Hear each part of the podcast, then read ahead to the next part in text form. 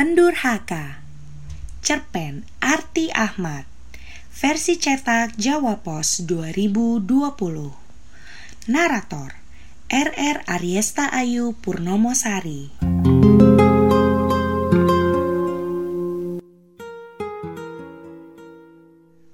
Tak ada yang tahu berapa lama ia terkapar di bibir pantai. Semalaman ia teronggok di sana Termangu-mangu ia menatap tubuhnya sendiri yang tak bisa bergerak-gerak lagi. Perutnya membuncit, terisi air laut dan pasir. Bisu ia menatap tubuhnya. Tak pernah menyangka bahwa dirinya akan bertekuk lutut di tengah gelombang pasang. Laut yang menjadi bagian dari dirinya, namun laut juga yang membunuhnya Awalnya ia demikian takjub bisa melihat tubuhnya sendiri. Ia bisa leluasa terbang bagai camar dan mudah saja hinggap di pelepah pohon kelapa. Tetapi ketika paham apa yang sedang terjadi, ia tercenung. Bibirnya terkatup, matanya nyalang menatap tubuhnya sendiri, terkapar menyedihkan dan tak bisa bergerak lagi. Aku kira kelompusan manusia itu hanya fata morgana. Bisiknya tak percaya. Lamunan ombak menampar perahu miliknya. Pecah berserakan tak hendak menyisakan bagian kecil sekalipun. Pelariannya dari Teluk Gong telah berakhir. Kutukan dari tua yang ditemuinya seolah kembali terdengar di gendang telinga. Kau akan mati muda. Penduraka seperti engkau tak akan selamat. Berdebah akan selalu mati sia-sia. Ia tak pernah menduga betapa ucapan tua renta yang hendak mati lantaran tikaman belatinya itu tak ubahnya rapalan mantra. Tapi selama 30 tahun hidupnya, sudah berapakah manusia yang meracau mengutuknya? Tak ada yang pernah terwujud. Tak ada yang pernah mengena dirinya. Ia masih bebas membegal, menikam orang-orang yang menolak memberikan hartanya. Belati bergagang kepala naga kerap menghujam tengkuk dan dada orang-orang. Ia kerap menghitung, mungkin sudah sepuluh orang yang mati di tangannya. Bukan sepuluh, tapi mungkin 12 atau 15. Hah, ia mencoba mengingat-ingat lagi. Bukannya ia pernah membunuh sepasang suami istri sekaligus pembantunya? Berarti mungkin sudah lebih dari angka 15. Begitu banyak orang yang telah mati di tangannya. Darah segar begitu kerap memandikan belati bergagang kepala naga kesayangannya belati yang ia curi dari lemari ayahnya sebelum kabur dan menghilang berlari ke tengah hutan. Tentu saja, darah ayahnya sendirilah yang pertama kali memandikan belati miliknya. Kepalanya menengadah ke langit. Rekata berhamburan seolah bersukaria bahwa sang pendurhaka telah mati. Kesal ia meludah ke langit. Sengit ia melihat lelintang yang begitu bersemarak. Ombak tak lagi pasang.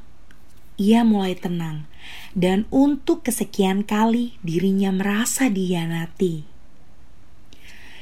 Ia kembali termangu-mangu, memandang tubuhnya sendiri yang mulai kaku. Ditatapnya betul-betul tubuh yang terkapar layaknya orang tertidur itu.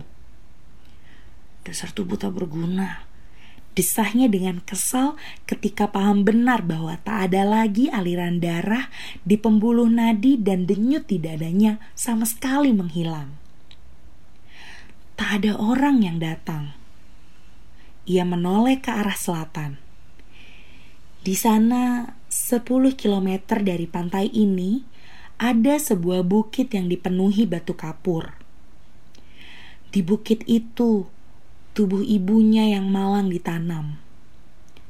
Di sana pula ayahnya yang dibencinya itu turut dikubur.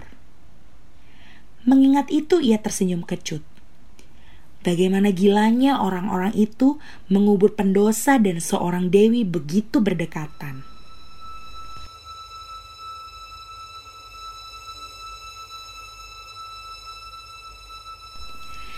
Ia masih menunggu orang-orang agar datang menemukan dirinya, lalu membawa jasadnya pergi ke bukit di sebelah selatan. Tubuh yang tak berguna itu ia harapkan ditanam di samping makam ibunya. Sadar ia tengah memikirkan pemakamannya sendiri, ia terbahak. Pemikiran tolol macam apa yang sedang ia pikirkan? Orang-orang yang akan menemukan jasadnya sudah baik betul jika membawa tubuhnya pergi dan ditanam ke dalam tanah meski entah di mana.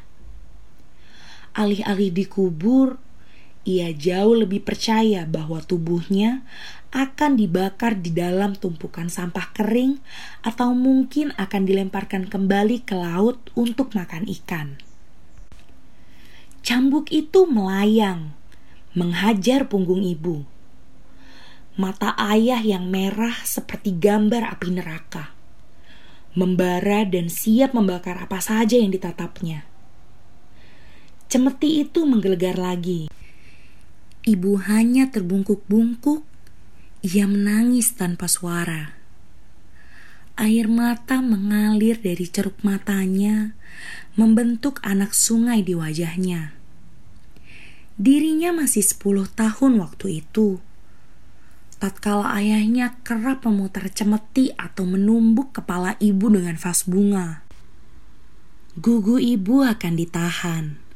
Sebuah petaka baru jika tangis itu sampai di telinga ayah. Cemeti yang sudah teronggok di meja akan bekerja kembali menghajar punggung ibu.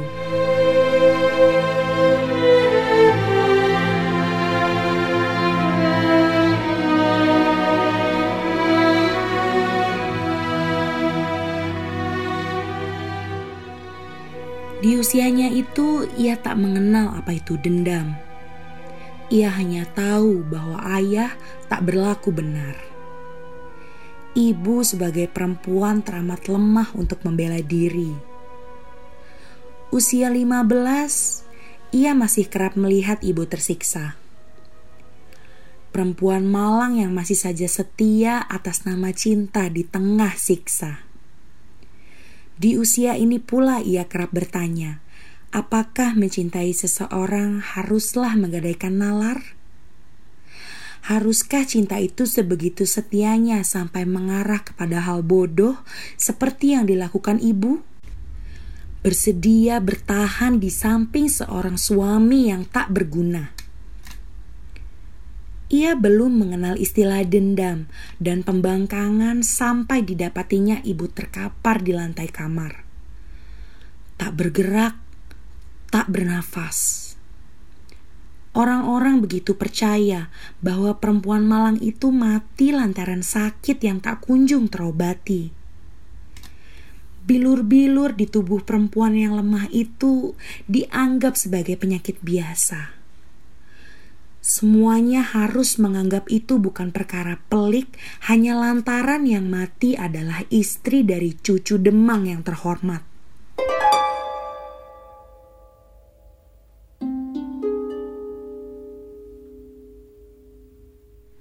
Tatkala tubuh ibunya mulai berkalang tanah, dendam baru mengenal hatinya. Ia memberontak di atas liang lahat ibunya sendiri Kematian lelaki yang dipanggilnya ayah tak ubahnya candu yang harus dipenuhi. Satu malam, lelaki durhaka itu meregang dalam tikaman belati peninggalan nenek moyang. Belati bergagang kepala naga yang hanya di waktu-waktu tertentu digunakan.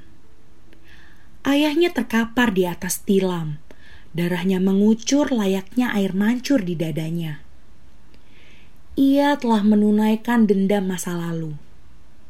Ia menang atas ayahnya sendiri. Pendurhaka telah terlahir di malam kematian seorang cucu Demang yang konon terhormat namun demikian celaka. Satu persatu, tak hanya ayahnya saja yang harus meregang nyawa. Orang-orang yang dulu tak peduli atas derita ibunya, satu persatu dihujami belati. Belasan nyawa melayang, namun ia seolah tak menemukan ujung kepuasan.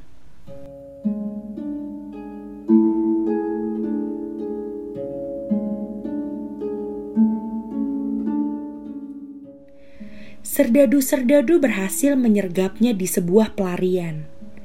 Menggunakan tongkang bermesin, ia dilarikan ke Teluk Gong. Sebuah tempat hukuman untuk para manusia yang haruslah dimusnahkan di kehidupan masyarakat. Setengah tahun mendekam di sana, ia melarikan diri menggunakan perahu rampasan. Sejak kecil ia demikian mencintai laut ibu perempuan yang malang itu kerap mengajaknya menonton burung-burung camar terbang di tengah deburan ombak. Aroma laut demikian dicintai ibu. Banyak waktu dihabiskan ibu hanya untuk sekedar memandangi laut lepas. Melihat matahari yang terbenam di garis cakrawala jika hati ibu sedang baik dan tidak diliputi rasa gelisah, kerap kali ibu akan melontarkan sajak-sajak pendek untuk mengiringi tenggelamnya sang matahari. Awan berarak memisahkan diri, tampak nyaris bersembunyi di punggung hari. Matahari memilih kembali pada pangkuan ibunda malam yang hendak berjaga. Camar-camar turut berarak pergi, pulang menuju kembali kepada sangkar, hendak melelapkan diri di peraduan. Laut tak akan menjadi laut tanpa campur tangan bui dan kerasnya karang. Hidup tak akan demikian hidup tanpa adanya rasa kasih sayang. Mendengar sajak yang dibacakan ibu, dia akan tertawa lepas. Betapa indahnya sajak yang disampaikan perempuan yang kerap dilihatnya menangis ini. Lalu sajak ibu pun tak pernah ia dengar lagi. Selepas ibu kehilangan daya dan citanya dalam menjalani hidup yang demikian fana.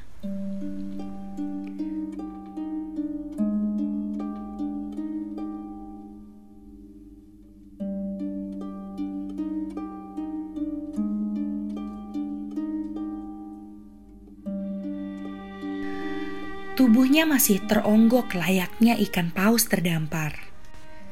Fajar telah lewat, tapi belum juga ada yang menemukan jasadnya.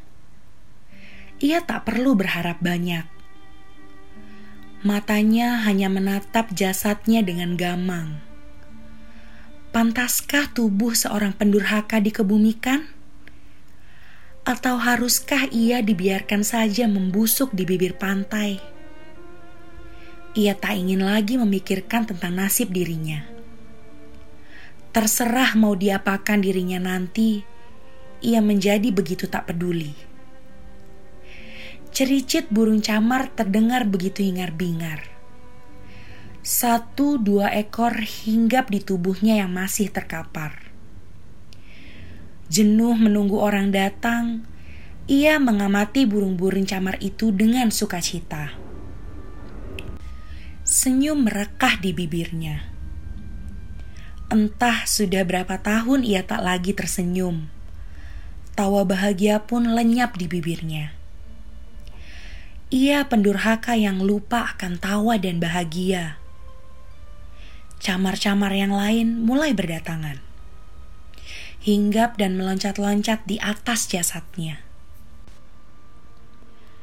Makanlah tubuhku itu jika kalian merasa lapar. Makanlah semua tubuhku dan bawalah terbang tinggi meninggalkan dunia yang sial ini. Ia berkata sembari mengamati burung-burung camar yang bermain di atas tubuhnya. Makanlah, tak usah sungkan. Makanlah semuanya meski aku tak yakin tubuh seorang pendurhaka seguri ikan atau udang-udang yang kerap kalian makan dari dalam lautan. Gerombolan burung-burung camar yang lain mulai berdatangan. Tubuhnya mulai dipatuki. Sedikit demi sedikit tubuhnya mulai dimakan para burung camar. Melihat burung-burung itu begitu bersemangat memakan jasadnya, ia tertawa lepas. Tawanya menggelegar. Jadi beginilah upacara pemakaman seorang pendurhaka itu. Camar-camar menguburkan dirinya. Deburan ombak berdoa. Tak perlu menunggu lama, dirinya menunggu agar jasadnya habis. Ia mengira bahwa Camar akan meninggalkan dirinya selepas hanya tersisa tulang belulang saja. Tapi ia keliru. Sekawanan burung camar membawa kerangka tubuhnya terbang tinggi ke arah lepas pantai. Di tengah lautan, kerangka tubuhnya dilemparkan para camar. Kerangka itu dibenamkan di tengah lautan ia masih termangu di bibir pantai selepas pemakaman dirinya usai. Perlahan ia bangkit dari duduknya.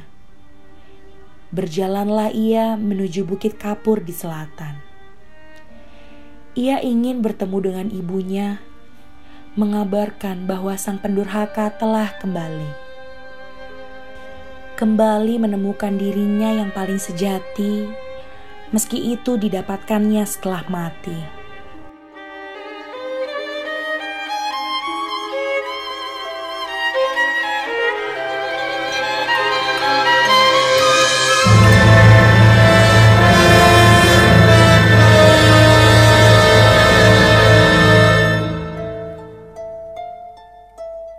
Sastra suara ini hasil kerjasama divalitera.org dan Tokopedia.